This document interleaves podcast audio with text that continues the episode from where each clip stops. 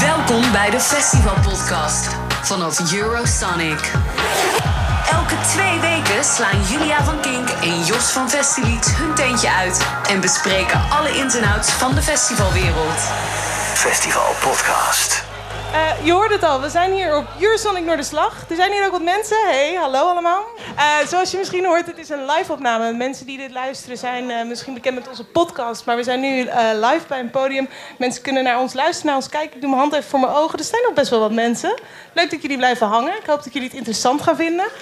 Um, we, we, gaan wat anders doen dan een normale uitzending. We zijn op Eurosonic, wat een festival is waar je vaak nieuwe bandjes ontdekt. Uh, daar hebben we voorgaande podcast al best wel wat aandacht aan besteed. Uh, daar kan je ook veel meer aandacht op vinden van de websites van Kink en Festileaks. Um, maar hier stond ik dus ook de plek waar de hele muziek- en festivalindustrie samenkomt om met elkaar te praten. Um, je moet zo zien dat s'avonds en s'nachts spelen veel artiesten door heel Groningen. En overdag zijn er ook een tal van conferenties uh, en panels waar onder andere ook festivals met elkaar van mening wisselen. Uh, en toen dachten wij, voor die conferenties is eigenlijk misschien niet genoeg aandacht. Kunnen wij zelf namens de festivalpodcast niet zo goed beeld geven van wat er nou gebeurt. Dus zie hier ons eerste festivalpanel. Uh, we zitten hier met vier vooraanstaande Nederlandse festivals. En we gaan het de komende uur met hen over vijf actuele thema's hebben. Waarover zo meer. Ja, maar hier dus vier mensen aan tafel. Ik stel voor dat we een klein voorstelrondje doen. Als je de microfoon wil pakken, even kort je naam, welk festival en hoe lang je er al zit bijvoorbeeld. Uh, ik ben Ide, Ide Kofferman. Ik werk voor uh, Mojo en wij organiseren onder andere Down the Rabbit Hole Festival voor het zevende keer dit jaar. En daar uh, ben ik festivaldirecteur. Check. Dankjewel. Ik ben Ruud Lemme. Ik werk voor Boa Festival. Het is ook het zevende jaar dit jaar. En ik werk al net zo lang voor, dus vanaf 2014. Welkom.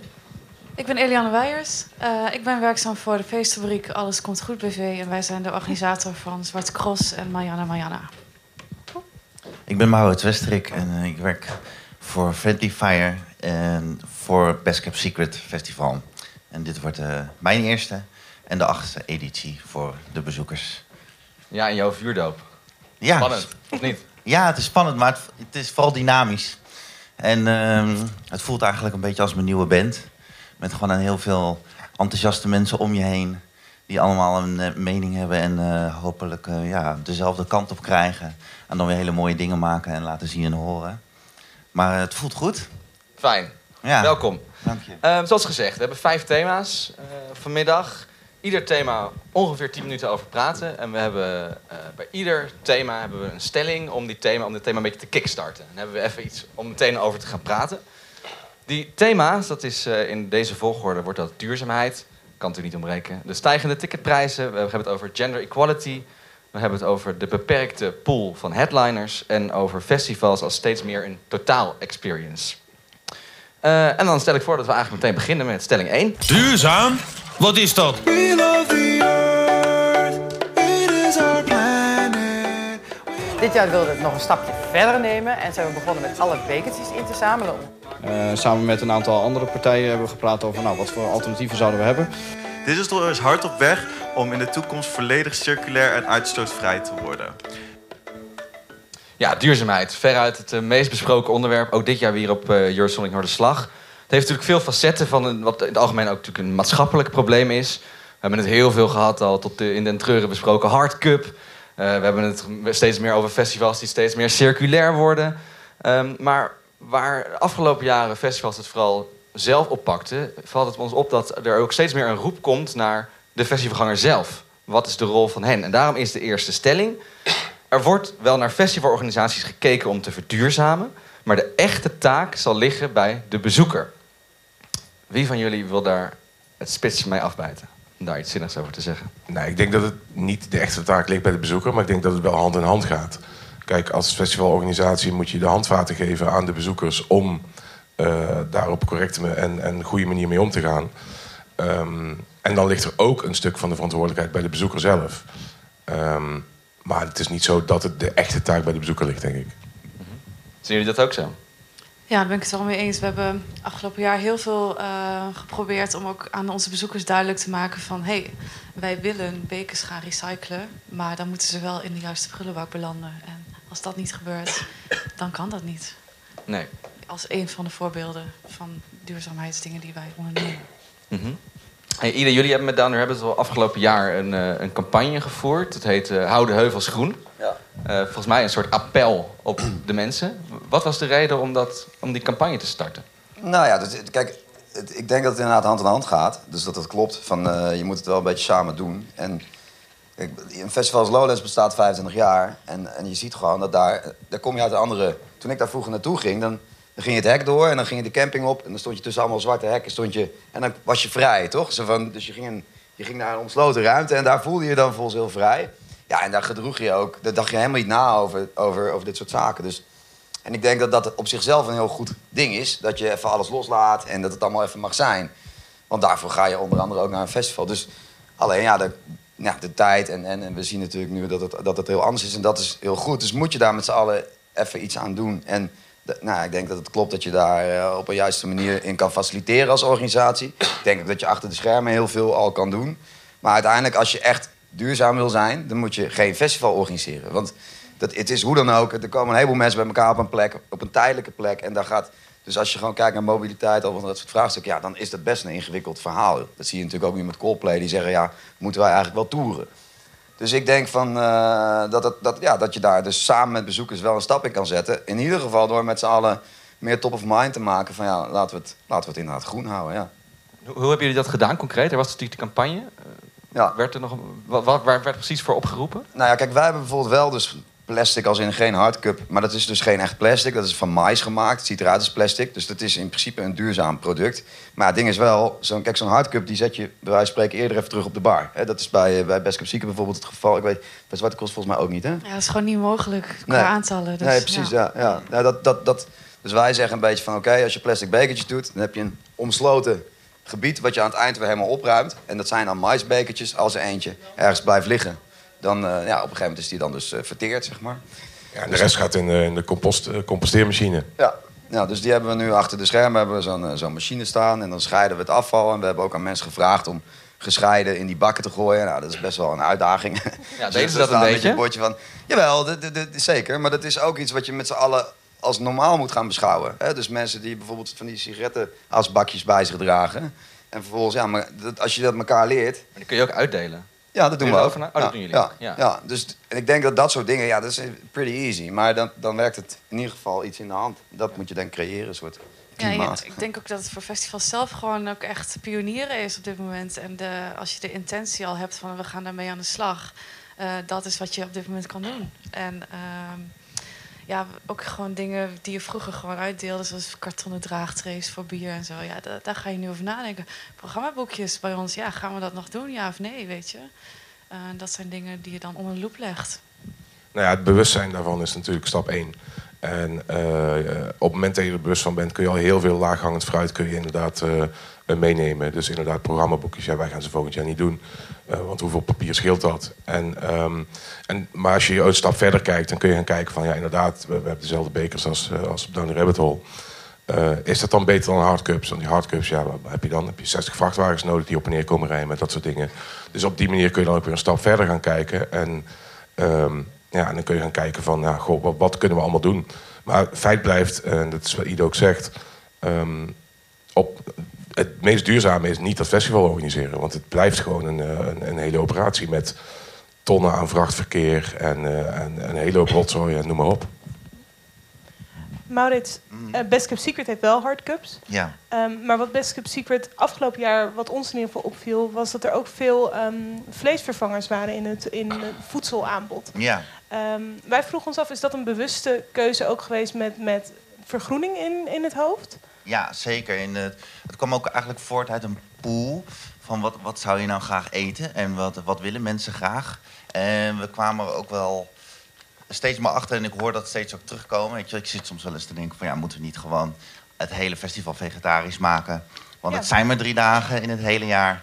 En het scheelt zo enorm veel uitstoot en vervoer. En eh, ja, weet je wel, diervriendelijk eh, vlees bestaat niet. Is dat een serieuze overweging voor jullie? Ja, ik denk er veel over na. En ik praat er veel met mensen over. Ook gewoon overal en nergens. En eigenlijk denken ook mensen van... Nou, weet je wel, je, je gaat voor je entertainment, voor je plezier, voor het gevoel. je- eh, ga je daar al naartoe?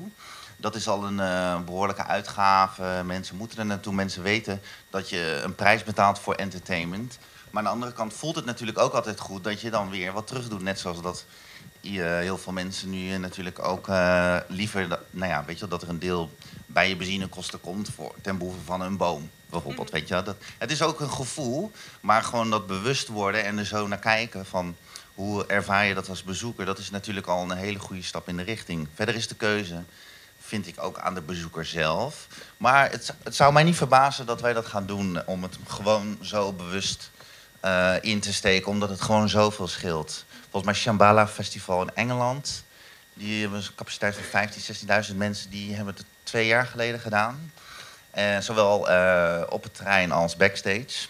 En eigenlijk bevalt dat heel goed. En als je dan ziet wat het doet met je totale uitstoot op festivalbasis, is dat eigenlijk.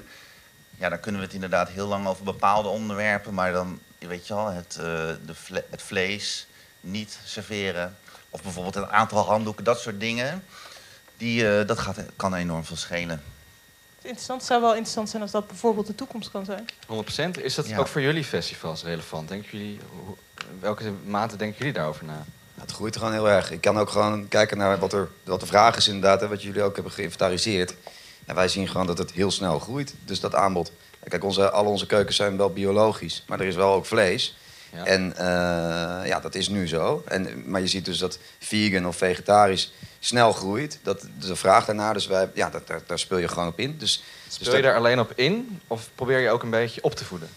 ja, kijk, eh, ja, in a way. Als in, eh, uiteindelijk wil ik liefst het groenste festival van Europa zijn. Dus in dat licht. Maar je moet daar denk ik wel ook goed op de tijd zitten. Dus ik weet niet of het altijd de taak is van ons als festival om, om daar eh, drie stappen in vooruit te lopen. Dat kun je ook doen, dat hangt er ook vanaf. Bij ons zijn mensen die kopen alleen maar drie dagen kaarten. Dus je bent meestal vier of vijf dagen op het terrein. Ja, weet je wel, kijk, op Best Secret kun je ook een dagkaart kopen bijvoorbeeld. Ik weet dat Digital is helemaal vegetarisch. Maar daar komen mensen bij wijze van spreken om vier uur middags binnen. En dan zijn ze er tot elf uur 's avonds. Ja, dan is het niet, zo, niet, niet zo'n probleem om een flafeltje te eten. Dus daar gaat het ook een beetje over. Dus het is, ja, de wens is er. Maar het is denk ik ook uiteindelijk een gezamenlijke wens. En, en daarin moet je de- proberen denk ik telkens een beetje voor te lopen. Zodat je sneller eh, die kant op gaat. Ja, als je het hebt over eh, misschien opvoeden, Ruud, jij zei net, eh, het is vooral aan festivals om bezoekers te faciliteren. Eh, Ja, nou ja, faciliteren en handvaten te geven om. ja, om duurzamer bezig te zijn. Ja, zeker in ons geval, we hebben natuurlijk een hele jonge doelgroep. Dus eh, weet je, onze doelgroep is gemiddeld eh, 20 jaar. Ehm, en en die, die 20-jarigen zijn er heel erg mee bezig. Maar je moet ze wel de tools geven om. En op het moment dat je dat, en dat gaan we volgend jaar helemaal verder uitrollen ook. Maar op het moment dat je dat doet, dan, ehm, dan ben ik ervan overtuigd dat ze ook echt mee aan de gang gaan. Hoe doen jullie dat? Nou ja, er zijn hele plannen voor aan het schrijven nu, maar dat gaat van eh, hele basale dingen, van vuilniszakken uitdelen tot eh, eh, informatie vertrekken eh, vooraf waar je je vuil kwijt kan, tot duidelijk maken wat er eigenlijk gebeurt met een tent op het moment dat je hem eh, in de fik steekt of op, op, je, op het veld laat staan op het einde. Ja, dat is interessant. Het viel mij op op Best Kept Secret afgelopen jaar, misschien heb ik het bedacht. Ehm, maar dat het eh, vegetarische aanbod makkelijker te krijgen was. Ja. Het stond op eh, strategische plekken. Ja. Ik hoop dat het zo was. Anders, Ja, dat, daar denken ze heel erg over na. ja, dus daar en denk- ik zijn je echt bewust mee bezig. En dat vind ik wel een stukje sturing van mensen. Mhm. Ja, dat werkt heel goed. En het was ook ongelooflijk dat die, moet ik het goed zeggen, de Beyond Burger. Ja, wat ja. we op het eiland hadden we daar een soort van barbecue, beachachtig gebeuren. Eén grote wachtrij Ja, eh, werd en dan waar je dan wat, weet je wel, dus in de di- soort slow food, maar waar je dan gewoon zo'n burger die toen net eigenlijk op de markt kwam, eh, kan nuttigen. Maar je hebt ook bijvoorbeeld ook Karma Swarma. En zo zijn er een paar dingen die, die kwamen allemaal gewoon in de top 5. En dat doe je natuurlijk ook door, eh, door dat soort burgers of dat soort, eh, weet je, de vegetarische Dorito of enchilada bijvoorbeeld bovenaan te zetten. Weet je, mensen, lezen het natuurlijk altijd van boven naar beneden. En dan, dan zitten ze daar, mensen hebben trek. En dan maken ze toch eerder die keuze. En door dat soort dingen allemaal te doen. En inderdaad de karma swarma precies op het hoek te, te zetten. Waar een area en een podium en een eh, toiletgroep bijvoorbeeld samenkomt. Dan is het dus makkelijker om dan weer zoiets te kiezen. Dan weer toch helemaal terug te lopen voor die burgemeester, zal ik maar. Ja, dat soort dingen. En eh, daar hebben we het ook heel eerlijk ook met alle foodtruck ondernemers eh, over. Hoor. Want dat, daar moet je natuurlijk ook rekening mee houden. Iedereen werkt zich helemaal uit de naad om daar ook zijn centjes te verdienen. Dus je moet het ook wel goed vanaf het begin eh, in de groep gooien. Maar, maar door dat soort keuzes te maken is het inderdaad vrij goed te doen. om op die, ja, op die manier veel te winnen. Maar ik, ik focus me nu trouwens ook vooral backstage. Ik ben nu allemaal nieuwe hospitality riders aan het schrijven. En weet je wel, Attack op zondag komt met de trein. En- Ja, gaan die jongens eh, het verschil maken dit jaar? ik had, het is een merken? goed voorbeeld vooral. En het is gewoon heel belangrijk, want wij kunnen het allemaal blijven roepen. En weet je, maar je moet toch altijd een beetje waken voor een soort van bedweterig gevoel. Van Mm. wij organiseren dit en dan moet het zo en zo en zo. En precies ook wat de vraagstelling behelst, is dat het gewoon eigenlijk vanuit de bezoeker, maar ook vanuit de artiesten moet komen. En, wij, ja, en ik zeg dan, weet je, ik werkte vroeger met heel veel tourmanagers eh toen ik nog bij een label werkte. En toen zei ik ook van ja, maar 76 handdoeken, weet je, jullie zijn met zes mensen. Eh, je bent hier vier uur, weet je wel. Heel veel acts zijn, hier gewoon, zijn natuurlijk in en out. Ja. Ja, al dat soort dingetjes. Durven En, jullie dat eh, te zeggen als eh, de National 100 handdoeken of de Rider? Ja hoor. Ja? Tegen de National zeker. Dat is, dat is sowieso de taak van, de- van de artist-producent, toch? Ik bedoel, dat doen we bij ons ook. Staat Ja. er is ook heel duidelijk van, we gaan geen Fiji-water eh, leveren. Want dat, dat, dat wordt vanuit Amerika deze kant op gevlogen, terwijl het water hier prima is. Dus dat, je doet het er maar mee. Ik denk dat, eh, want we hadden een afsluitende vraag, maar daar kwam iedereen in zijn eerste punt al op. De vraag was namelijk, eh, is het dan eigenlijk überhaupt wel mogelijk om een festival te maken wat ook volledig duurzaam is? Het antwoord was eigenlijk heel duidelijk. Nou, ik denk dat het in de toekomst wel kan hoor. Als, in, als iedereen op de fiets komt, zeg maar. Het mobiliteitsprobleem is natuurlijk wel echt een uitdaging. Ja. En wat zijn de grootste uitdagingen? Nou, dat denk ik. Dus, je- maar bijvoorbeeld, ik bedoel, kijk, de accu's bijvoorbeeld waarmee je nu heftrucks en zo kan besturen. Die, ik denk dat over twee jaar zijn die ready. Ja, en dan kun je stoppen met diesel stoken. Of ja, je kan nadenken over, ik bedoel, stroom is natuurlijk. Dus er zijn, er zijn best wel heel veel mogelijkheden eh, om, om daar eh, stappen in te maken. En, eh, en dat doen we ook, denk ik, zo snel als het gaat. En het enige is, denk ik, soms wel. Het blijft natuurlijk altijd een afweging. Duurzaam is vaak ook duur. Hè? Laten we ook daar eerlijk over zijn. En dus dat zijn ook wel lastige keuzes die je soms moet maken met, ja, met de druk die er staat op, op, eh, op, op zo'n op zo'n project. Eh, dus, dus ik heb bijvoorbeeld nu een hele propositie dan klaar liggen, een heel idee klaar liggen, wat ik graag met een sponsor samen wil doen. Die had ik ook en die heeft toevallig net eh, vorige week afgezegd. Dus mocht er iemand eh, met, met mij samen iets Wat voor, wat voor plan heb je klaar? ja, nou ja, dat, is het, dat gaat over hoe je een soort groene lijn kan maken. Hoe je als bezoeker helemaal groen door naar dat festival kan en weer terug. En dat kan nu nog niet voor, voor 35.000 man, maar dat kan misschien wel voor een... En dan begin je. Hoe dan? Of is dat te veel? Nou ja, dat wil ik graag met de potentiële financier natuurlijk eh, gaan bespreken. Dus, eh dus dat hou ik nog een beetje meer, onder de pet. Ja. Ja, ja. Ik ben ontzettend benieuwd. maar eh, ieder mag vaker komen, want hij heeft het over dat dat duur kan zijn. En dat brengt ons eigenlijk perfect in het Ja. volgende thema, namelijk de stijgende ticketprijzen. The rise of streaming has basically flipped the economics of the music industry on its head.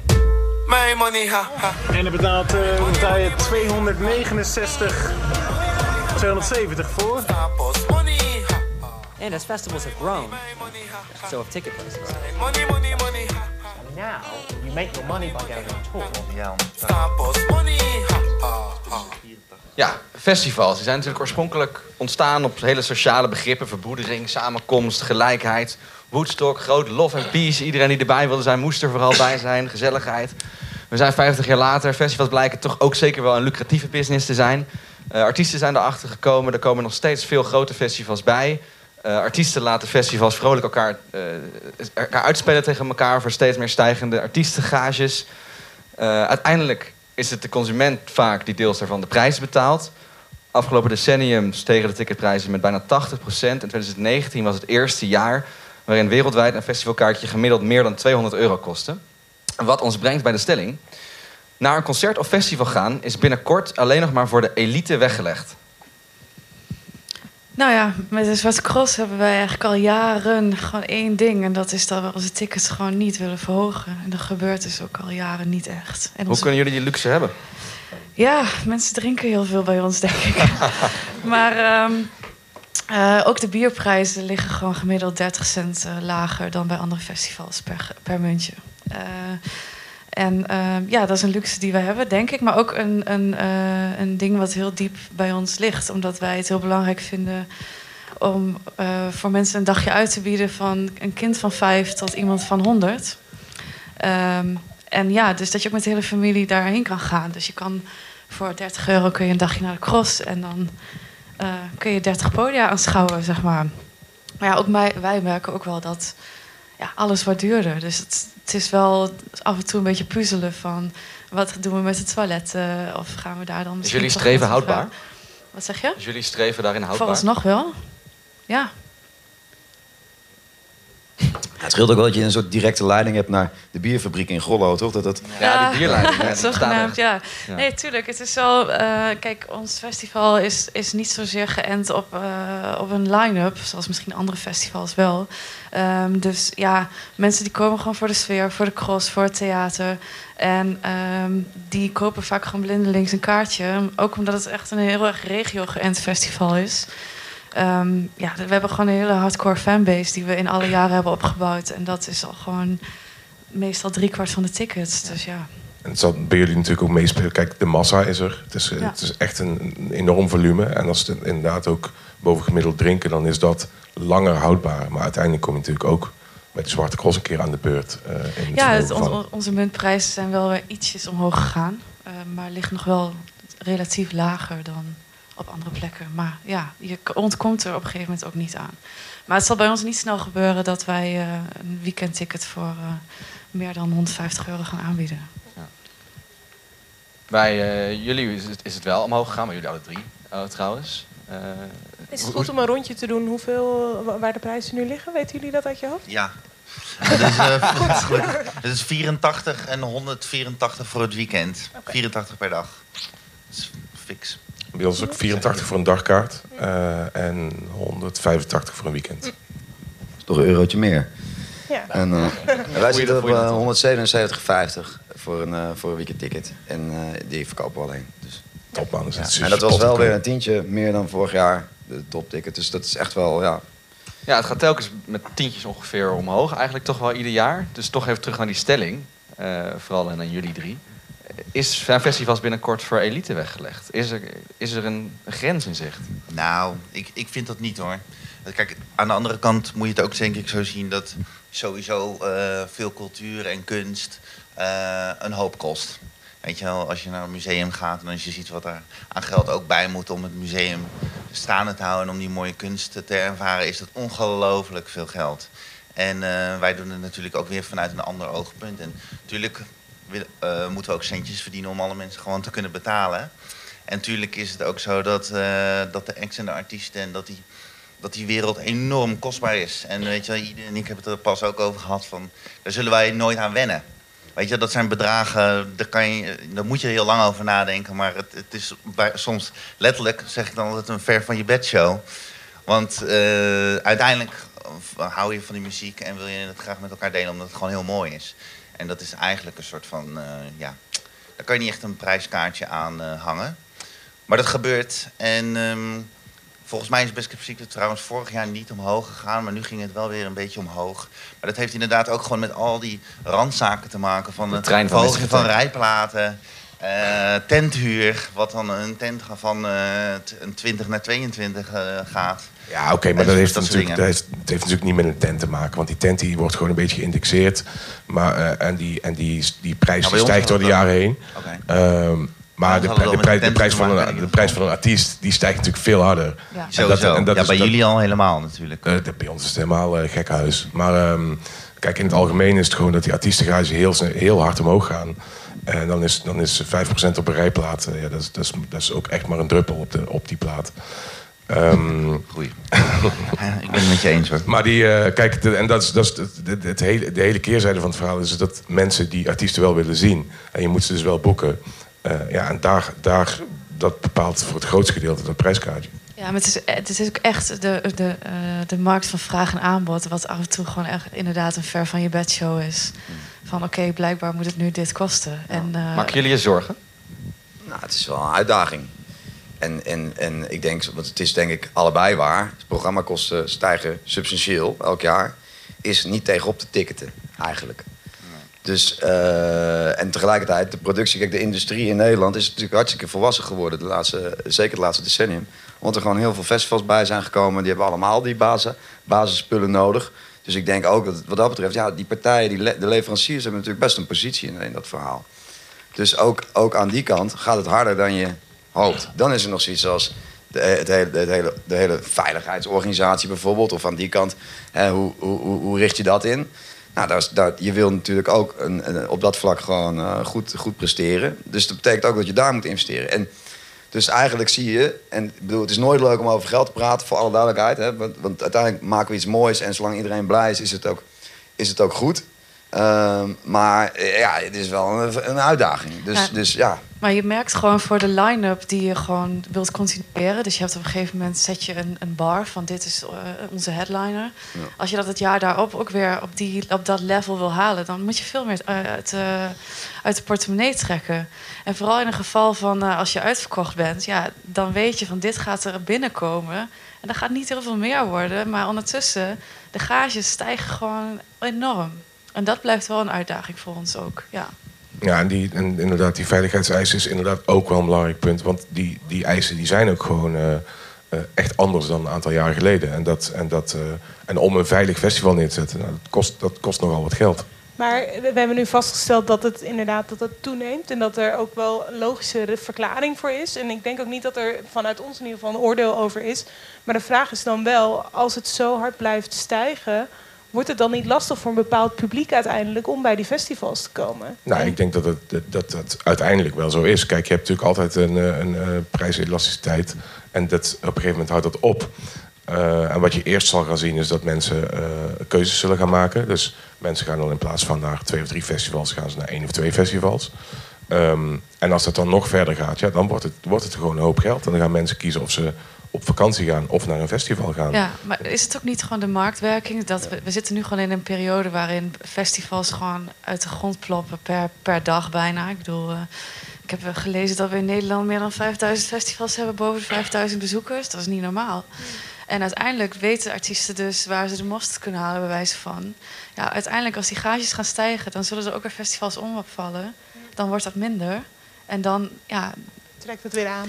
trekt het weer aan, denk ja, ik. heb ja. niet, ik heb niet, het zit natuurlijk altijd marktwerking. Dat is een beetje hoe vraag en aanbod werkt, dit, dit Ja. wat je zegt. Maar ik heb niet de illusie dat, eh dat bandgages eh, ergens in de komende tien jaar nog naar beneden zullen gaan. Weet je zoals denk de huisprijzen. Ja. Dat zit ook met- natuurlijk delen, deels ook in, eh, in het feit dat we, dat we geen cd'tjes meer kopen en alles maar gratis willen streamen. Ik bedoel, er, ieder, iemand moet over de brug komen om een artiest te voorzien van zijn brood, weet je? Ja, de oorzaken zijn denk ik duidelijk.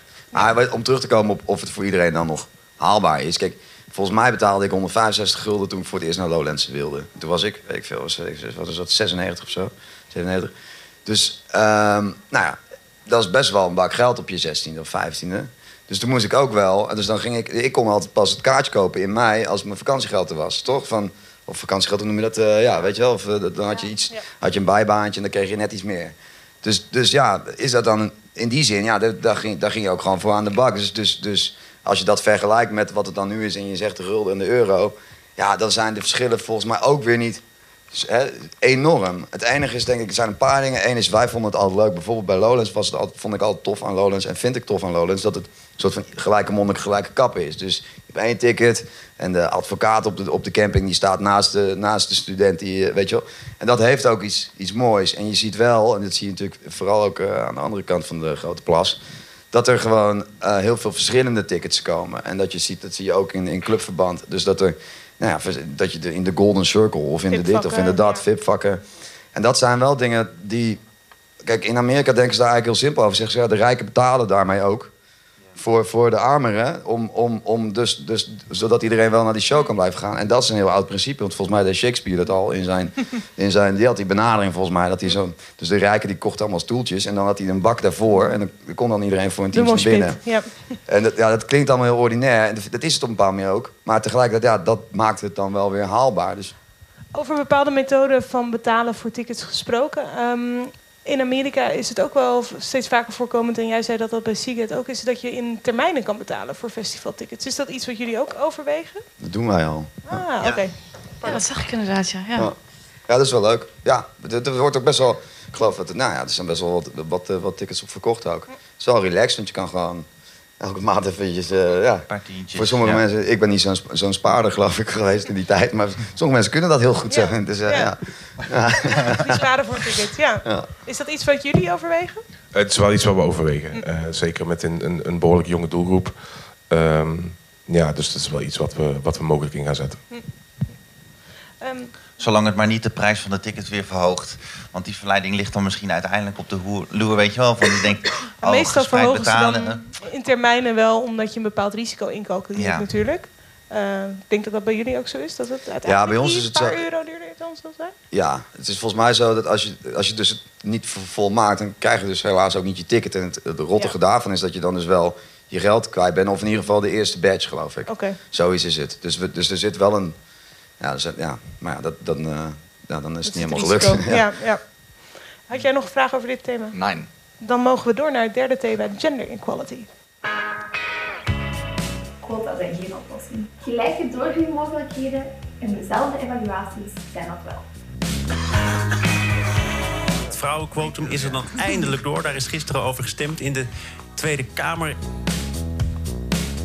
It's really important having women in the job to create diversity. Dit is een heet hangijzer. Genderongelijkheid in, in dit geval de muziekindustrie. Eh, enkele jaren geleden kwamen er met enige regelmaat werden er van die festivalposters gedeeld waar dan alleen de vrouwelijke acts overbleven. Nou, dat was een soort gênante bedoeling. Dat, daar was weinig eh, op, eh, op over. Discussie kwam natuurlijk ook maatschappelijk op gang. Eh, waarom is er eigenlijk zo'n onbalans tussen mannen en vrouwen, zowel op het podium als daarachter? Wat kunnen we daaraan doen? Ehm, en toen, was er, toen werd er natuurlijk nagedacht over quota, ook, ook breder maatschappelijk wordt daarover nagedacht. En toen was er ineens Primavera Sound vorig jaar, ook al veel over gehad. Die hebben de New Normal gedaan, ze maken een statement, 50-50, man-vrouw. Ehm, en hoe, ondanks dat we daar al vaak over hebben gehad, gaan we nog één keer die stelling doen. eh, voordat we het over de, de bredere thema genderongelijkheid gaan hebben. En de stelling daarbij is: de beste manier om meer diversiteit te krijgen op festival line-ups is door actief beleid te voeren op genderquota. Wij voeren niet echt actief beleid. Ik vind nog steeds gewoon het aanbod, net zoals de buurt waarin je woont, is hopelijk divers. En nou ja, ook daar, weet je, ik, ik volgens mij Roel, programma, waar ik nu nou mee samenwerk, eh, die, die had altijd die voorliefde om het zoveel mogelijk eigenlijk te, te laten reflecteren zoals je in je eigen omgeving woont. En dat is volgens mij gewoon een heel mooi uitgangspunt. Eh, en dat is eigenlijk. Maar verder gaan we er niet echt op selecteren. Dat vind ik ook wel ongezond. Nee, maar oké, maar in je omgeving wonen natuurlijk iets meer vrouwen dan dat er normaal op een festivalposter staan. Dus eh, volgens mij is, is, ga je daar aan je, aan je, aan je doel voorbij. Of of, of ja, ben je dan, als je dan inderdaad helemaal niet mee bezig bent of niet actief mee bezig bent, ehm, dan zou het eh, nog iets anders of iets meer aan vrouwen op je line-up moeten reflecteren. Ja, vorig jaar waren er ook volgens mij meer vrouwen dan mannen op onze line-up. En eh, dit, jaar, 39%. dit jaar is het trouwens wel echt wel lastiger, zeg ik heel eerlijk. Eh, volgens mij luister ik evenveel. En gisteren was meer dan de helft van de acts eh, ook zeker vrouw wat ik gisteravond heb gezien hier op Eurosonic.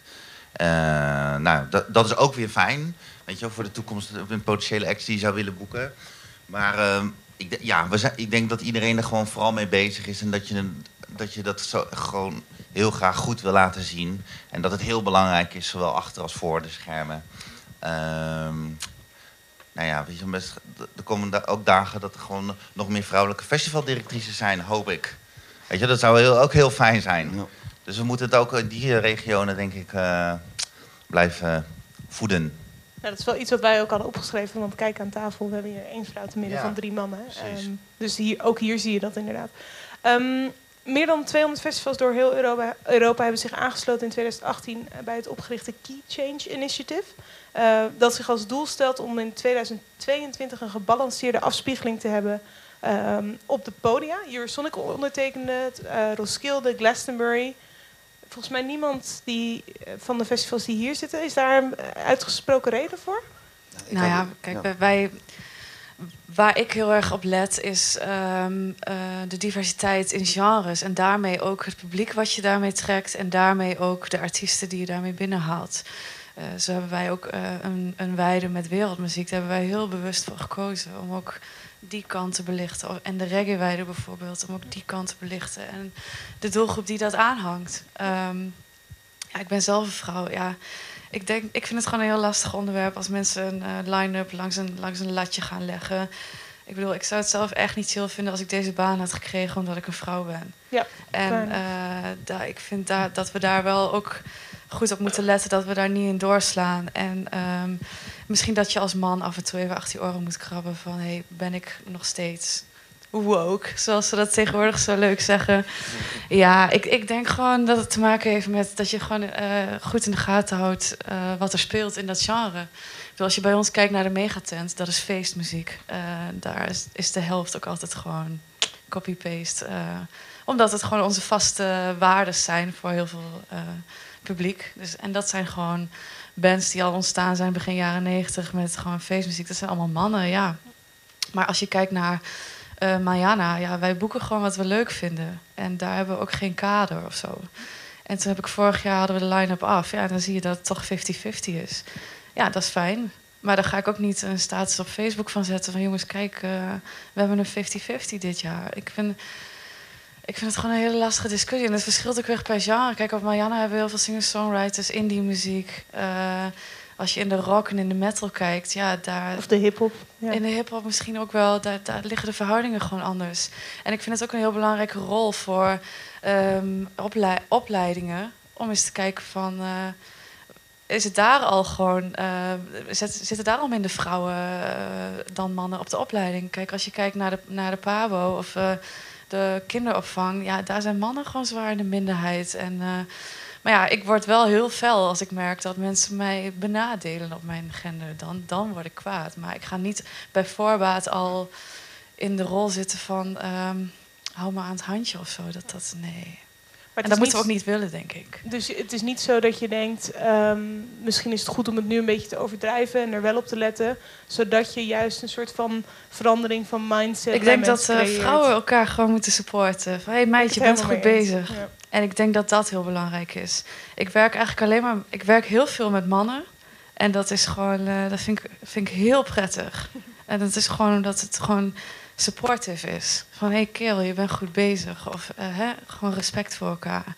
En ik denk dat het bij vrouwen onderling ook iets is wat we gewoon moeten doen. Van, je bent goed bezig. En eh, niet zo op elkaar letten van... eh, zij is beter of slechter dan ik. Ida, je hebt al een tijdje de nieuwe Primavera soundline voor je liggen. Ja, ik dacht, pak hem even bij. Het is wel grappig dat natuurlijk vorig jaar die 50-50 werd ingezet. En dat, hij is nu gisteren volgens mij naar buiten gegaan. Maar, Dus dat is, dan, eh, dat is dan eigenlijk gewoon weer een, een, een ouderwetse. Primavera line-up. Ja. eh, hè? En dit- dus ik denk ook dat ik vind het heel goed dat ze het gedaan hebben. Dat, dat het sowieso. En, en ze hadden op dat moment ook het programma voor om het te doen. En ja. en ja, ik moet zeggen dat ik er wel mee bezig ben. Als in dat wij er wel mee bezig zijn. We hebben vorig jaar afgesloten met uh, Rosalia en, en, eh, en Janelle Monet en, en Robin. En, en zo in een rij. Ik vind het wel te gek om er dan zo uit te gaan, zeg maar. Ehm, dit jaar hebben we eh, nog meer eh, dan, dan, dan vorig jaar. Daar wel eh, programmering in. En ik kan niet garanderen dat het volgend jaar weer zo is. Want het is ook gewoon een beetje what's hot. En, en hè, dus wat wil je op je podium hebben? En het, is in die zin gewoon heel... Ja, ik zeg altijd, je kan alleen maar heel genuanceerd naar kijken. Want uiteindelijk selecteer je op kwaliteit. En dat is precies wat jij zegt. En, en dat, dat is de basis. Bedoel, Je wil gewoon hele goede acts op je podium hebben. Maar er is natuurlijk wel een, best wel, denk ik, een goede ontwikkeling gaande nu. Je ziet gewoon heel veel zelfbewuste jonge vrouwen die muziek gaan maken en, en die front row pakken. Ja, dat kun je, alleen maar, daar kun je alleen maar blij mee zijn. Dus dat probeer ik dan ook wel. Als dat even kan, boek dat dan ook. Of wij boeken dat dan.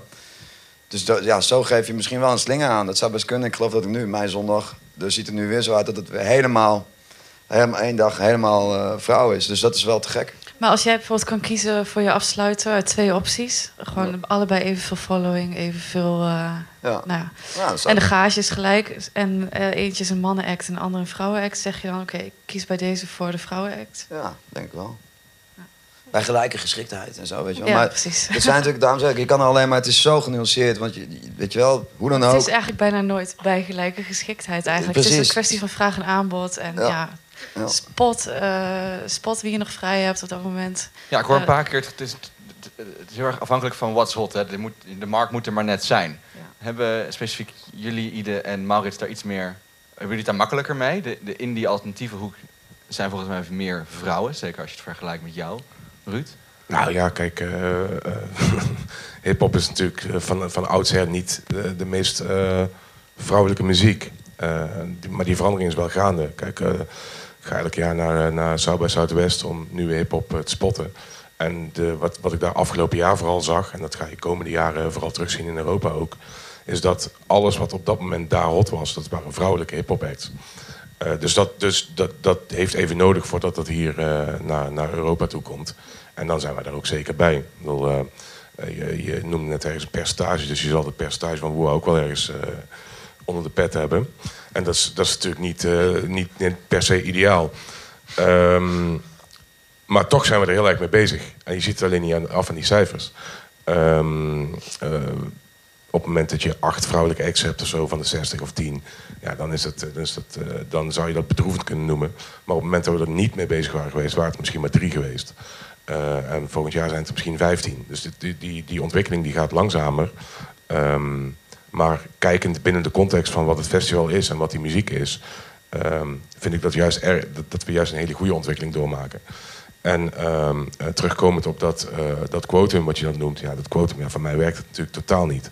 Ehm, maar dat het, het, het feit dat we het over dat quotum hebben, maakt ons wel bewust om er eh, andere beslissingen op te maken. En volgens mij is daar juist voor bedoeld in plaats van heel hard aan de cijfertjes vasthouden van voldoe je wel aan het quotum en hoeveel procent heb je nu eigenlijk. Een, quotum, een quotum is denk ik überhaupt nooit een einddoel. Het is een middel om een bepaald punt te bereiken. Ehm, eh, het is natuurlijk een, een, een groter probleem. En jullie kunnen dat niet in je eentje als festivalindustrie zijnde oplossen. Het, is, een, het is een, lang, een lang verhaal. Maar we zitten nou eenmaal toch met jullie aan tafel. Dus ik ga het op toch aan minst een jullie goed vragen. voorbeeld geven. Tenminste, dat is natuurlijk gewoon als een festival is denk ik in, in eh, mijn optiek nog steeds, weet je wel, een, een soort van bewustwording, samenkomen, je ideale maatschappij, weet je wel, Woodstock en al dat soort dingen zijn natuurlijk allemaal zo ontstaan. En ik denk dat je die, die boodschap en eh, nou ja, gewoon die bewustwording eigenlijk altijd met elkaar mag delen, net zoals dat een artiest dat met zijn tekst. eh, Wat kun je nou echt concreet doen als festival zijnde? Als we even de rest buiten beschouwing laten. En ik weet dat daar ook heel veel te doen is. Maar het gaat even nu om het festival. Wat kun je nou als festivals concreet doen om die gelijkheid te bevorderen? Ja, wij, wij trekken het eigenlijk gewoon over de hele linie. Dat, en dat zit echt in alles. Dus als wij een act aan- als wij een namenlijst aankondigen, dat zie je. Dan staat een workshop tenen lezen staat even groot in zijn letters als de headliner. En, eh, maar ook richting ons publiek eh, laten wij heel erg zien van eh, iedereen is welkom. We hebben vorig jaar ook een Miva Hotel gebouwd voor mensen met, die een dwarslezing hebben, dus die alleen maar kunnen liggen in een bed. Ehm, en zo proberen we ook te laten zien van als wij eh, aan de publiekskant alle facetten verwelkomen, dan is dat voor artiesten eh, is dat niet anders. En zo moet je het denk ik doen. Sluit je daarbij aan, Ruud? Ja, absoluut. Nee, ik sluit me daarbij aan. Ehm, eh, kijk, het feit blijft natuurlijk dat, eh, dat je... Dat je hè, kijk, je zit bij ons aan tafel, dus wij moeten er iets van vinden. Eh, maar wij zijn één schakel in die keten. En die keten begint natuurlijk veel eerder. Eh, je, hebt een, eh, eh, je hebt een artiest en dan heb je een manager... en dan heb je een agent in L.A. en dan heb je waarschijnlijk een agent in eh, New York... of eh, in eh, Londen. En dan heb je nog iemand in Nederland die het boekt. En dan heb je nog een festival waar het staat. Nou, en, dan en dan heb je nog publiek wat het consumeert. Dus je bent eh, als festival bij de eh, ene laatste schakel in die keten. En alle, alle, alle schakels in die keten boven je, die zijn 95% man. Eh, dus, dus daar moet ook veel, veel meer gebeuren nog. Maar wat als, ja, goed, als festival zelf, wat je kan doen op die manier, ja, daar, moet je gewoon op die manier be- bewust mee bezig zijn. En Ik dat hoor nog steeds weinig concrete dingen. Dan moeten jullie mij. eh, Maar is het ook niet zo, ik, mag ik je helpen? Is het ook niet zo dat bijvoorbeeld, nou, maar misschien is het helemaal geen hulp, maar dat eh WOA samenwerkt met andere festivals om heel bewust bepaalde vrouwelijke artiesten richting Europa te krijgen? Tuurlijk, nee, absoluut. Eh, Want ik denk dat jij vraagt om concrete voorbeelden. Dat is dan toch een concre- concreet Kijk, voorbeeld? Nee, natuurlijk, na- natuurlijk werken wij met andere festivals samen om art- überhaupt artiesten naar Europa te halen. We werken met Vrouwenveld in Zwitserland en met Wireless en met Splash in Duitsland. Want een, een hip-hop act, man of vrouw, komt niet zomaar voor eh, die 100.000 dollar die wij eh, bieden naar, naar Europa. Die wil graag acht keer 100.000 dollar hebben, anders vindt hij de moeite niet. Eh, en op die manier kun je ook eh, sturen op, op het eh, naar Europa krijgen van vrouwen. Ehm, en dat, dat, dat gebeurt ook steeds meer. Maar dat is überhaupt een, een, een issue. Buiten dat, dat iets op dat moment relevant moet zijn. En buiten dat iets een album of nou, voor zover dat nog geld uit moet hebben. ehm, eh, is het natuurlijk ook zo dat het beschikbaar moet zijn en betaalbaar moet zijn. Want we hebben het volgens mij een kwartier geleden nog over ticketprijzen gehad. Ik ben nu met een, een vrouwelijke artiest bezig. Ik denk dat die 50.000 waard is, maar die wil wel 4 ton. Ja, dat, eh, en, en ja, is het dan, is het, streef je dan je doel voorbij als je het toch gaat doen? Of Ja, dat, dat zijn wel vraagstukken die altijd meespelen en die natuurlijk minder zichtbaar zijn. Of je krijgt dat Cardi B dan vervolgens alle gages eh, op online zet... en dan alsnog alles cancelt omdat ze te weinig vindt, weet je wel? Precies. Het, eh, ja, het, is, het is niet altijd eenvoudig. Maar ik denk wel dat je met programmering heel veel stempels kan drukken natuurlijk. En ja, ik bedoel, uh, Kate Tempest die staat dit jaar bij ons... en dat vind ik het gek artiest. Die heeft ook wel op Best Kept Secret gespeeld. Ja, zij heeft een heel bijzonder verhaal. En uh, ja, dat kun je gewoon boeken. Dus doordat je dat presenteert, jaag je ook iets aan. Ik bedoel, ik denk dat het heel belangrijk is dat de zeggingskracht van de artiest uiteindelijk veel groter is dan wat jij als festival uh, kan, kan bewerkstelligen of kan faciliteren. Wat niet wil zeggen dat je als festival geen zeggingskracht hebt, want die heb je wel degelijk en daar kun je ook veel mee. En ik vind het ook interessant omdat ik het ook niet alleen vanuit een idealisme, maar ook gewoon omdat het een programma is daarmee. Dus het is ook, weet je wel, het is ook een reden om met z'n allen bij elkaar te komen, om dat soort thematieken te verwerken in, ja, in allerlei soorten programmering. Tot slot, als het mag van jou. Zijn we op de goede weg? Ja, ik denk van wel. Ik denk dat als ik de ontwikkelingen van de afgelopen paar jaar zie, dan denk ik dat we een hele goede kant op gaan. Sluiten jullie daar allemaal bij aan? Kunnen we dat... Uh, ja, ik zou ook niet echt weten welke andere kant we dan precies op kunnen, weet je wel. Van, uh, jij bedoelt sneller, of we niet? nog meer ons best doen. Het moet, kan nog harder moeten gaan. Maar bedoel je echt in de line-ups of gewoon in de muziekwereld... alle Overal. mensen die daar werken? Of dat uh, moment- geplaveid is voor vrouwen, bedoel je dat? Of, Ik bedoel op dit moment de line-ups, maar dat Ja. eh, het een en ander heeft natuurlijk met elkaar te maken. Ook Ja. weer. Ja. Bij dans gaan we sowieso de goede kant op, denk ik. Het, het- ja, alles kan altijd beter, wat dat betreft. En volgens mij doen we daar allemaal wel eh, ons best in. Ja, en ik denk ook Zo dat voelt dat voorbeeld gewoon doet volgen. Dus vrouwen, doe gewoon je ding, weet je wel. En eh, het is hard werken, maar dat is voor iedereen zo. Vind ik een mooie eindnoot. Thema 4. Beperkte pool van hoofdacts.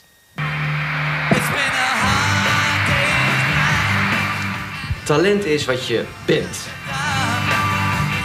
Maar goed, je moet alle kwaliteit hebben. En daarboven krijgen we nog één of twee specifieke dingen.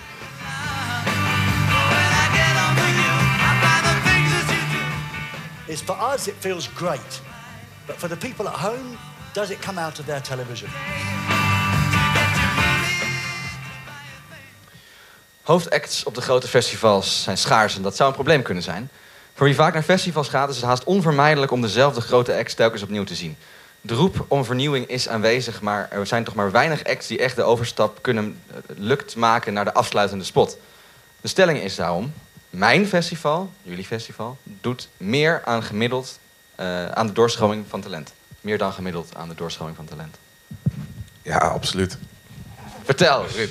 Ja, eh, ik weet niet, eh, had je in 2016 al ooit van Post Malone of Travis Scott gehoord?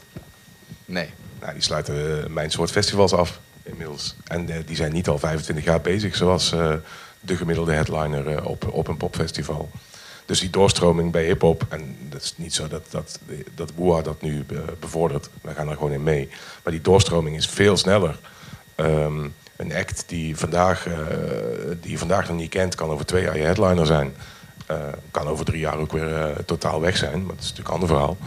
Maar dat, het- dus die doorstroming is heel veel, veel sneller. En het, er, er zijn bijna, het, is, kan, het is ondenkbaar dat er op Boa een act staat die al twintig jaar bestaat. Ja, wij, wij, wij, wij hebben dat inderdaad met Snelle, inderdaad. Die stond twee jaar terug voor 500 man. Voor een hele laag gage en nu op Main.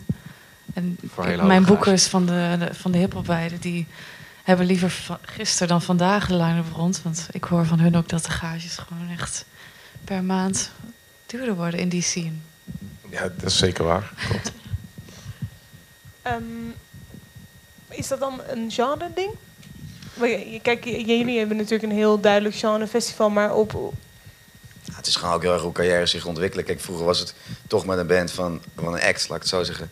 Ja, je ging eerst meters maken. En, hè, en, en daardoor de- bouwde je een live reputatie op. En daarmee verkocht je je platen of andersom.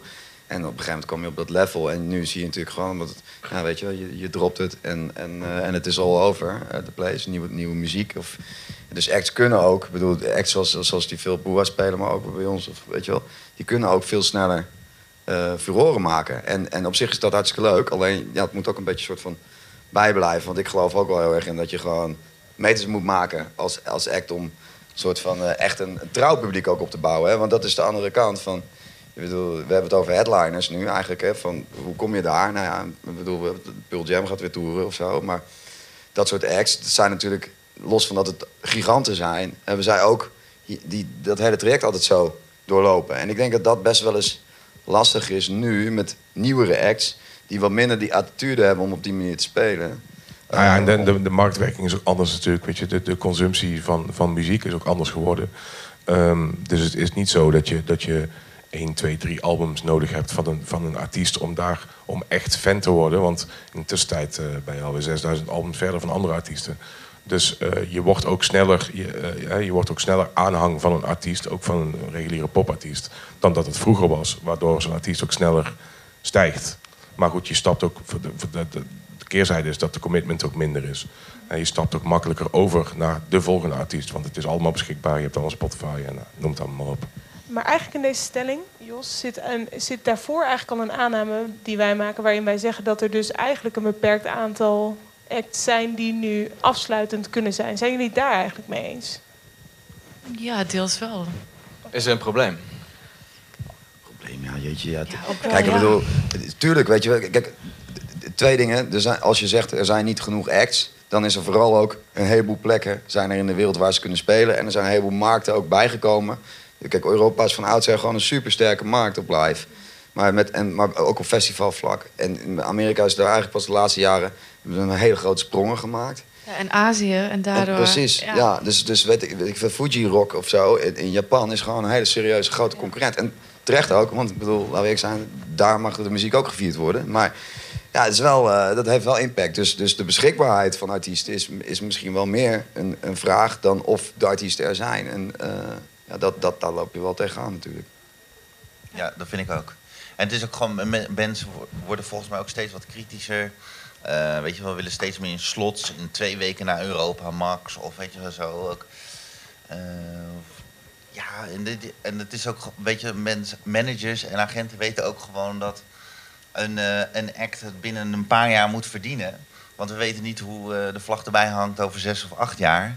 En dan gaat een, nou ja, weet je wel, Lizzo stond vorig jaar op stage 5. En dat is nu eh, HMH+. Plus. Nou ja, en als je dan ziet wat het nu kost, je zou het dolgraag willen neerzetten. Maar dan kan je inderdaad waarschijnlijk niet opbieden tegen een Fuji Rock of een ander festival. Wat, wat ook eh, nou ja, in die maand of in die reeks valt, in je periode. En dan, dan wordt het een lastig verhaal. Dus ik ben inderdaad, het aantal headliners is denk ik echt niet het probleem. Het is vooral die beschikbaarheid. En, eh, Ja, bij ons is het vooral ook... Wij proberen heel veel eh, rock-gerelateerde acts te programmeren met ja, following. Ja, dan eh, grijp je al snel terug naar oude bekenden. Zie Uit de jaren eh. negentig, zeg maar. Ja. Ik bedoel, als je kijkt naar de gitaarmuziek nu op de radio... Ja, gelukkig is King er nog. Maar over het algemeen is het natuurlijk... eh, ja. Is is, dat lastig nu? En dat, dat, dat is gewoon een periode waar je nu in zit. En uh, hip-hop is, is nu ook iets van een jongere generatie. En eh, ons festivalpubliek heeft ook heel veel 30-plussers. Ja, die houden weer van de, eh, de oudere dingen. Eh, dat zie je ook bij Pinkpop, zie je dat bijvoorbeeld ook. Die, die hebben een Chili Peppers weer staan. En ja, dat, eh, dat zal voor hen echt een uitdaging zijn straks. Ja, er zit ook wel een soort discrepantie in, vind ik. Dat vind ik altijd wel echt opvallend. Dus eh, het publiek, hè, als we dan even het publiek, dat vind ik altijd een beetje raar. Maar goed, eh, het publiek wil iets zien. Dus bijvoorbeeld, we willen eigenlijk rockacts zien. Maar vervolgens, hoeveel nieuwe rockacts zijn er nou de afgelopen jaren dat, doorgekomen? dat, ja. Dus dan gaan wij met z'n allen, weet ik veel, Royal Blood bombarderen tot eh, onze nieuwe goden. Terwijl het bandje, te gekke band hè, van alle maar terwijl het bandje niet per se 100 die, die status op die manier al heeft waargemaakt. Dus, dus dan kom je ook wel een beetje, dus dan zegt het publiek, hé, hey, festival, jullie leveren niet. Maar tegelijkertijd, als, als ze allemaal die rockbandjes gaan volgen in het clubcircuit en ze met z'n allen groot maken, ja, dan komen ze vanzelf ook op die festivals terecht. Dus het is een beetje, dus daar zit soms een soort tegenstelling in die ik zelf nooit helemaal kan verklaren. Toch doen jullie dat veel? Je hebt de, de term future headliner eh, er wel eens in gegooid. Ja. Eh, ik denk Tyler dit jaar ook weer op die spot. Ja, Tyler is wel eh, voor het eerst dat hij een festival headlined in, eh, in Nederland. Eh, dus dat is wel te gek. En, en ik vond... Maar kijk eens, bijvoorbeeld zo'n Anderson Paak... die hadden wij dan twee jaar geleden tussen Nick Cave en Queens of Stone Age instaan. Over giganten gesproken. Maar, en dan... Ik vind het te gek dat wij daar Anderson Paak kunnen boeken. En ik wil ook heel... Ik geloof, wij geloven, moet ik ook echt zeggen... dan in zo'n spot. En dat zij dat gaan doen. Dat zij maken dat ook waar. Hij maakt dat waar. En die band maakt het waar. Dus dan, ja, dan ben ik hartstikke blij als je dat kan doen. Maar ik moet wel eerlijk bij zeggen dat dat ook een voordeel is als je alleen drie dagen kaarten verkoopt. Ja. En want je moet uiteindelijk end of the day wel zorgen dat het veld ook goed gevuld is. Want dat is wel eh, wat iedereen ook verwacht van eh, de afsluiter. Ja, en zo'n en zo'n zo'n spot kun je op één van die drie dagen invullen, maar dat kun je niet op twee dagen doen. Nee. Ik bedoel, dat, Nee, dan, dan wordt het wel te risicovol uiteindelijk. Terwijl, on- ondanks dat die Anderson Park Show natuurlijk fantastisch was. En helemaal op zijn plek ook. Ja. En dat is denk ik ook een vraag die wij hadden voor bijvoorbeeld Maurits, voor Best Kept Secret, die wel ook dagkaarten verkoopt. Is het dan moeilijker om iets gewaagder te boeken? Om bijvoorbeeld net een act neer te zetten waarvan je niet helemaal zeker weet of ze echt al klaar zijn, maar je gelooft er zelf wel in. Eh, omdat jullie ook echt dagkaarten moeten verkopen en dat veld vol moeten krijgen. Is dat iets waar jullie dan ook over nadenken en denken, nou ja, misschien moeten we toch iets veiliger Ja, boeken het is, daarin? het is wel... eh, weet je, ik doe dit nu een half jaar en je denkt er iedere dag denk ik wel even over na. Van, eh, of, of moeten we dat misschien niet meer doen? Of eh, houden we dat wel? Dat, dat zijn van die onderwerpen die gewoon wel steeds terugkomen. Ook, eh, weet je, het team om, om me heen, we vullen het muzikaal denk ik heel divers aan. En we vullen elkaar ook heel goed aan, maar dan, weet je, jij denkt al, je denkt zelf ook al snel meer in een weekend. En je wil die balans eigenlijk over je hele line-up heel goed hebben. En die diversiteit. En je, jong, nieuw, eh, enzovoorts. En dan uiteindelijk denk je van, oh nee, maar ja, dit, dus dit is van vrijdag. Maar dat is dus al hier bijna de helft korter dan de zaterdag. En dan soms is dat inderdaad best lastig om die dynamiek precies heel goed te houden. Ook weer vanwege een beschikbaarheid. En kom je er ineens achter van, oh, de zaterdag ligt inderdaad hebben eigenlijk te veel gitaarbands. Want, eh, en vrijdag kom je dan weer net tekort. Ja, en dat, dat is soms toch geven en nemen. Kijk, ik heb inmiddels in een half jaar wel geleerd dat het ideale festival niet bestaat. Want het, weet je, het is toch maar net hoe het loopt en net hoe het gaat. Maar eh, ik denk dat je vooral heel erg je best moet doen en er gewoon eh, iets moois willen laten zien. Maar dat zijn wel steeds dingen van, nou ja, goed, ik ben er wel mee bezig. Ik weet, ik weet niet wat de toekomst zal zijn. Maar ehm, ik denk er wel veel over na. Oké, nou als we toch nog even een beetje over muziek mogen praten, dat vinden we volgens allemaal leuk. Mogen we heel kort een beetje brainstormen over wie we over een paar jaar doorgeschoten zien worden naar headline slots? Voor jou is het allermoeilijkste, Ruud. Dus ik ga het als eerste aan jou vragen. nou ja, die, die acts die over een paar jaar headline, die, die bestaan nu nog niet.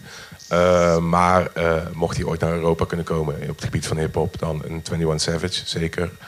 Uh, een Megan Thee Stallion, vrouwelijke act, wordt echt wel de nieuwe Cardi B, Nicki Minaj, dat soort, van dat soort kwaliteit. Dus, nou ja, die twee acts. Eliane? Ja, bij ons is dit net iets lastiger. Ja, dus ik trek me even wat breder. Maar ik hoorde jou net Rosalia noemen. Die, die, ehm, ja, dat zou nog wel eens wat kunnen gaan worden, denk ik. Dat heeft wel wat. Hè? Ja, dat vind ik ook. Ieder? Eh, nou ja, goed. Dit weekend eh, volgens mij eh, staat het, gaat het heel erg over Celeste. Dat, ja, ik heb haar zien staan bij op Primavera op echt een heel klein podiumpje aan het water. Het was echt gewoon een, een partytentje, zeg maar. En eh, ja, dit was, dit was echt fenomenaal mooi, vond ik dat. Dus daar, ja, daar heb ik wel heel veel zin in. Dat, dat, dat- het is, weet je wel, je, je- moet toch je gevoel erin volgen van als je iets ziet en het is goed, dan, dan, dan klopt dat waarschijnlijk. Weet je wel, zo van, eh, dat leer je door de jaren heen. En dit is wel zo'n act waarvan ik dat gevoel heel sterk heb. Nou ja, Lizzo is een, nu al een, tree verder. Maar die, gaat keihard. En als je ziet hoe zij een show benadert en hoe ze dat brengt, dan zit daar nog zoveel in ook. Weet je wel, dat het gewoon, eh, dat het denk ik over de vier jaar nog steeds heel spannend is om, eh, om een show te zien. Dus nou, dat, dat zijn denk ik twee. Ja, zeker. Lizzo is een heel mooi voorbeeld ook. Eh, ik vind het ook weer leuk. Zo, ja... Ik denk dat er is zo ontzettend veel talent. Want ik stond eigenlijk gisteravond ook weer te kijken... en dan zag ik een band uit Zwitserland. Ja, en, eh, nou, nu is dat ook... En dan, weet je, de, die hele nieuwe scene met die eh Yin Yin en eh Altin Gun... en dat iedereen weer met traditionele muziek in een hele nieuwe jasje stopt. Dat, ik vind eigenlijk, ik kijk meer naar dat soort ontwikkelingen... die mij gewoon ontzettend boeien. En ik vind het zo echt mooi om te zien. En dan heeft iedereen het bijvoorbeeld over Squid of eh, Black Country New Road gisteren. Weet je, misschien wel de meest ontoegankelijke band die je maar kan bedenken. Maar toch is iedereen zo, eh, weet je wel, steeds zo toe aan die vernieuwing. En steeds zo op zoek om jezelf weer uit te dagen en elkaar weer uit te dagen. En zo'n band zingt dan ook weer in hun liedje over dat ze Black Media aan het luisteren zijn op het schoolplein. En weet je, dat, dat, soort, dat soort dingen, dat, dat, dat vind ik echt super boeiend. Dus wat dat betreft mag voor mij alles heel groot worden of groeien. Maar ik denk dat het vooral ook die diversiteit en dat je juist die, steeds die routes en die wegen die alsmaar blijven veranderen. eh, ja, dat is wat mij betreft het, het grootste plezier. Tevreden? Ik ben tevreden. Dan mogen we naar het laatste onderwerp. Eh, festivals als totaal experience. Wij onderzoeken eigenlijk of je eh, beter gaat spreken in een vreemde taal nadat je wat alcohol gedronken hebt. Hi, wij zijn van Samana Yoga Centrum uit Amsterdam. En wij geven op festivals les. Ja, en dan ga je hier spelen voor 14.000 man die hier op een festival komen. Ik heb natuurlijk nog nooit op een festival opgetreden, snap je? Ik vind het super jammer dat Nederland niet heeft kunnen meedoen aan het WK dit jaar. Maar des te leuker dat Solar dit jaar een voetbaltoernooi organiseert. Nou, jaren geleden was het recept simpel. Hè? Goede muziek en een frietkraam, daar heb je je festival. Ehm, toen werd het randprogramma steeds belangrijker. Lowlands heeft denk ik een grote rol gespeeld. Film, theater, kunst, wetenschap, yoga. Het komt allemaal inmiddels op festivals voorbij. Zwarte Cross, jullie in 2018 wonnen onze Festileaks Award voor beste randprogramma. En zeiden, jongens, bedankt, maar we zijn het er niet helemaal mee eens. Ehm, Wel met de award. met, dat, ja, met die award. En daarom is de stelling... de term randprogramma is eigenlijk niet meer van deze tijd. Eh, hetgene wat jullie toen Nou ja, om even zeiden. terug te komen daarop inderdaad. eh, voor ons is eh, programma programma. En dat, zo presenteren we dat dus ook. Wat ik daar straks al zei. eh, wij gooien gewoon eh, negen posters gedurende het jaar online met nieuwe namen. En eh, dat gaat van ehm, een workshop tot aan een headliner, tot aan eh, een theaterdingetje. Ehm, ja, alles gewoon door elkaar. En we proberen daarin. eh, kijk, de feestfabriek zelf heeft eigenlijk alles in eigen huis. Dus ook ontwerpers, eh, creatievelingen. Dus wij proberen ook. eh, een groot deel van onze tijd gaat ook uit naar het maken van maatwerk. En het zelf bedenken van dingen. Dus zoals vorig jaar de dartwedstrijd tussen Van Gerwen en Barney Army. Dat soort dingen proberen we altijd wel als een soort van stunt erin te gooien. Ja. Gebruikt de rest van jullie de term randprogramma? Ja, het is, ook, het is echt een non-term, ik ben het er helemaal mee eens. Dus ik bedoel, het is gewoon, wat is nou rand, weet je wel? En ik zit er ook altijd mee te stoeien. Ik heb, wat mij betreft doen we een open call van, kom met een nieuw woord. Want, want, want ik, ja, wat is dat dan? Want dan heb je het over cultureel programma. Ja, het zijn allemaal non-termen, denk ik. Dus ja, wat dat betreft eh, kan... Ja, of je moet het echt toespitsen op datgene wat je aanbiedt. Dus wat Lowlands in feite ook doet, hè? Een theaterprogramma Ja, gewoon, ja, of... ja, eh, ja. Ja, oké, maar waar, waar ligt die definitie dan? Ja, dat kijk, op het moment eh, dat het niet op een podium staat, is het randprogramma. Ja, is dan theater bij Lowlands randprogramma of is het gewoon programma? Dat is gewoon programma. Ja, dus dat is... eh, ja, ik weet niet, ik hou me er helemaal niet zo mee bezig met die term. We, we doen gewoon dingen die we leuk vinden. En als we het leuk vinden om een, om een stripclub te bouwen, dan doen we dat. En als we het leuk vinden om waterfietsen in een, eh, in een bak water te flikkeren, dan doen we dat. En eh, dat hoort allemaal bij dat festival. En daarmee smeren we de, eh, de, de activiteiten die mogelijk zijn tussen de podia in, die smeren we daarmee wat dicht. En dan geven, bieden we de bezoeker wat meer. Eh, maar ja, nee, ik heb daar niet echt een, een benaming voor van dat heet randprogramma of dat moet zo heten. Nee, we doen dat gewoon omdat het, dat het tof is. Het, het beestje moet gewoon een naam hebben. En dat is vaak ook gewoon een randprogramma. Dat zeggen we op kantoor ook. Van, ja, ben jij nog bezig met het randprogramma voor dit? Of ben je nog bezig met het randprogramma voor dat? Alleen naar buiten toe smeren we het gewoon op één poster. Als zijnde programma. Toch wordt dat, eh, hoe het ook heet, wat niet de muziek is, steeds belangrijker op festivals. Eh, Maurits, ik vind Best Kept Secret dit jaar een vrij schijnend voorbeeld. Waar jullie altijd hebben geroepen, jongens, Best Kept Secret gaat echt over de muziek en het is alleen de muziek. Las ik tot mijn grote verbazing dat er zowaar een filmprogramma misschien gaat komen. Ja. What happened? Ja, omdat ik ben er nu bij, hè. En eh, ik, denk, ik denk er anders over. En, eh, nou ja, en ik, ik vind het gewoon leuk om te zien. En ik ken, ik ken veel muzikanten en artiesten. En veel artiesten zijn geïnspireerd door film. Eh, maken films, korte docu's. Weet je, dat noemen we een Enema van Tommy York. Eh, National heeft volgens mij een film gemaakt. Nou, zo kan eh, King Crew heeft een mooie korte film met zijn broertje gemaakt. En ik dacht van ja, weet je, volgens mij is dit gewoon een heel leuk moment om dat een keer te doen. En ik was met een aantal de- deco-partijen aan het praten. Allemaal jonge mensen van, wat zullen we nou eens doen? Of, en die kwamen ook met allemaal heel goede ideeën. En toen dacht ik van, nou, volgens mij hebben we nu zoveel goede ideeën. Laten we het gewoon proberen. We zien wel. Ehm, weet je, ik ga op Lowlands ook niet eh, drie films kijken.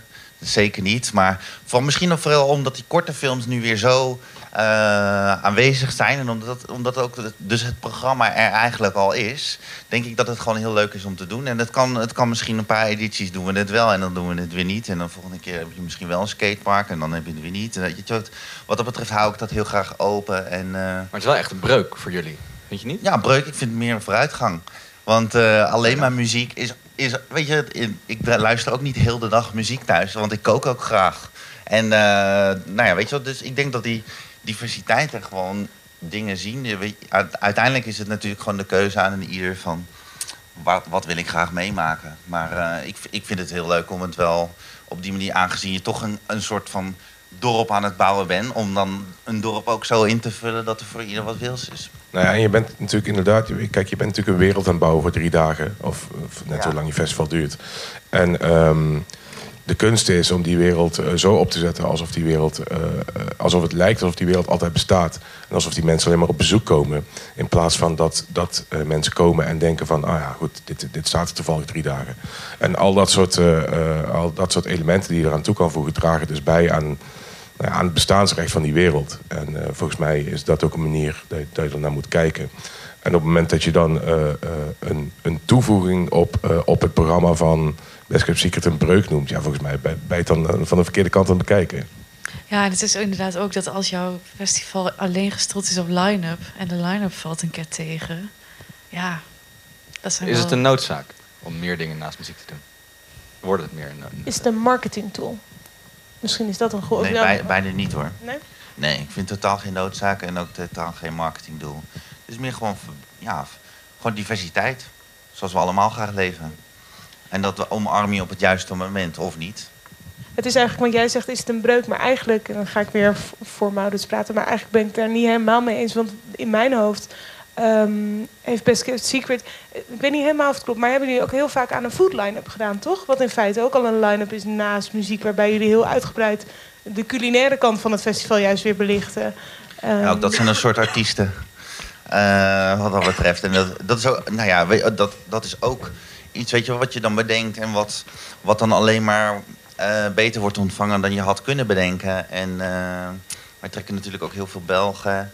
Eh, ook daar eh, leeft dat enorm. En die vinden dat ook leuk. En eh, het is toch een soort vakantiegevoel waarschijnlijk. Maar ik, en ook zij weet je, gaan met zijn ziel en zaligheid op in een product of ontwerpen een kamer, shawarma, weet je, zulke dingen. En dan moet je dat denk ik ook een plek geven. Dus, en dat, zie, dat is dus ook geen randprogramma, maar wel ook een mooi onderdeel van wat je daar aan het bouwen bent en te bieden hebt. Maar voor jullie allemaal geldt dus dat de eventuele toename of aanpassingen in, in randprogramma of programma naast de muziek niet betekent dat de muzikale programmering minder belangrijk is voor bezoekers. Nee, is natuurlijk niet. Nee. Tenminste, dat denk ik. Dat, dat- dat- nee. Dat is het gewoon... Kijk, je boekt die muziek omdat je dat wil zien. Alleen vervolgens is... Kijk, we zijn nu in een ruimte en het is lekker warm hier, bijvoorbeeld. Eh, nou ja, het is, hier, het is aangenaam, zullen we zeggen. Dus dat betekent dat het voor iedereen leuker is om langer in deze ruimte te zijn. Terwijl als het nu hier gierend koud is, dan is, kan het wel heel interessant zijn wat we allemaal zeggen. Maar dan denk je toch op een gegeven moment, ja, toedeledoe. Dus, dus dat is denk ik wel... Setting is gewoon mega relevant voor hoe je uiteindelijk die artiest beleeft op het podium. En, en want bedoel, je staat in heel Varenbeek, sta je lekker op het strand naar een mooie band te kijken. En op Zwarte Cross zie je overal om je heen gebeurt iets. Dat is gewoon, dus dus dat, dat is wel een heel belangrijk onderdeel van hoe je uiteindelijk... Als je naar een restaurant gaat, dan kom je natuurlijk voor het eten. Maar het is wel lekker als het allemaal eh, fijn gepresenteerd wordt. En, eh, en dat je je er welkom voelt en al die dingen meer. Dus de setting is gewoon een heel essentieel gegeven in, in, in, in het maken van een festival. Dus, eh, dus ja, investeer daar tijd en aandacht aan. En daarnaast, ja, ik, ik vind het heel leuk om, om andere dingen te verzinnen. samen met, met een heleboel mensen uit het land. Er zijn ook een heleboel artiesten in Nederland die misschien geen muziek maken, maar wel bij die popcultuur horen. In mode, in weet je, noem het allemaal op. Ja, die moeten gewoon ook een podium krijgen. En ja, wij hebben daar dan met z'n allen de mogelijkheid voor. Dus let's go. En de- uiteindelijk versterk je daarmee ook een cultuur in Nederland. En dat is volgens mij, vind ik in ieder geval, een mooi streven ook. Kan het op een negatieve manier terugslaan op je bezoekers? Het feit dat er zoveel randprogrammering is, waardoor mensen... Sorry, ik zei randprogramma. Waardoor mensen de muziek ietsje minder interessant vinden... en er dus bij de muziek wat minder geïnteresseerde mensen Nou, staan. ik ben in ieder geval wel over bekritiseerd in het verleden. Dat als ze, zeg weer ik, maar het festival in de eerste jaren... en dat wij dan alleen maar een vlotje gingen bouwen... en nooit meer naar een bandje gingen kijken en zo. Ja, dat, dat, daar ben ik ook best wel achteraf... wel vind ik dat wel jammer. Heb ik, dacht ik ook, oh, dat heb ik dan ook niet goed verteld. Want dan is het eigenlijk te veel daarop komen te liggen. Dus dan, als de accenten verschuiven in hoe er, hoe er over je festival wordt gepraat... ja, dan is dat vervelend. Dus dan is het toch negatief, ja. Ik kan wel eerlijk zo over zijn. Ja, dat vond ik niet zo leuk. Maar ja, goed, is niet langer.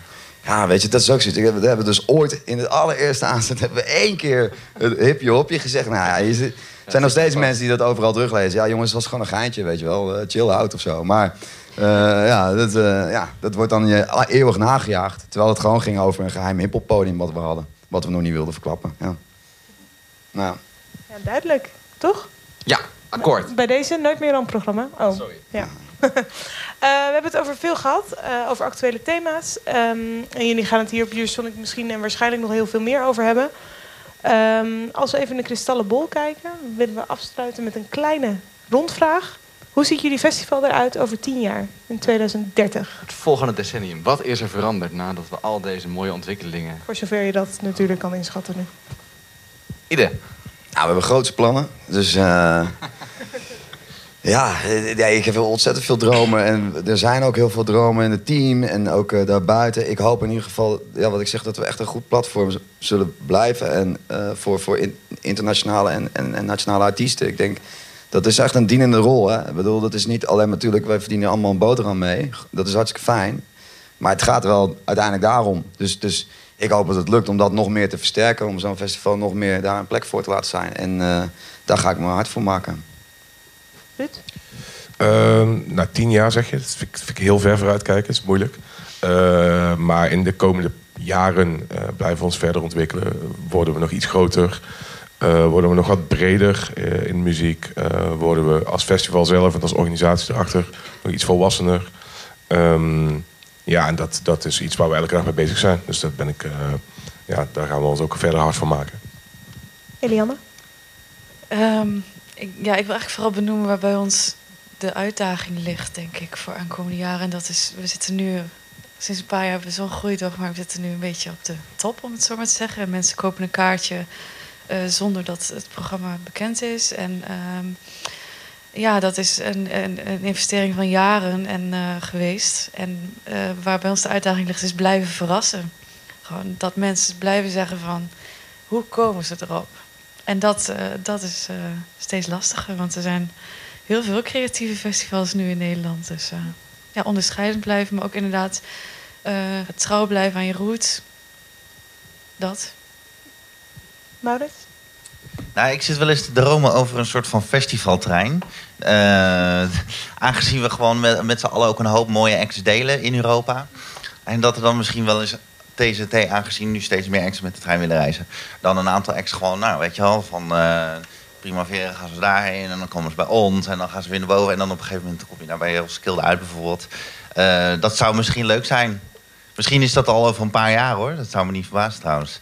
Organiseren. Ehm, ja, dus daar, daar zit ik een beetje over na te denken. Dat zou ik wel graag eh, voor me zien.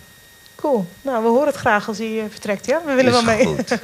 Eh, bedankt allemaal, dat was hem. Eh, bedankt voor hier zijn. Jullie bedankt voor het uitzitten hiervan. Ehm, voor de podcastluisteraars, eind januari zijn we er weer met een normale Ja, aflevering. eindelijk weer eens normale. Ehm, normaal doen. En dan resteert ons nog het bedanken van de redactie. Die Ja, dank voor alle grote, vele research. Eh, namen mag ik noemen. Jeffrey, Ruben, Job, Hanna, Malou en Boudewijn. Ook namens mij ontzettend bedankt. En we gaan bier drinken, denk ik. En wie weet tot volgend jaar. Dit is een podcast van Kink. Voor meer podcasts, playlists en radio, check kink.nl.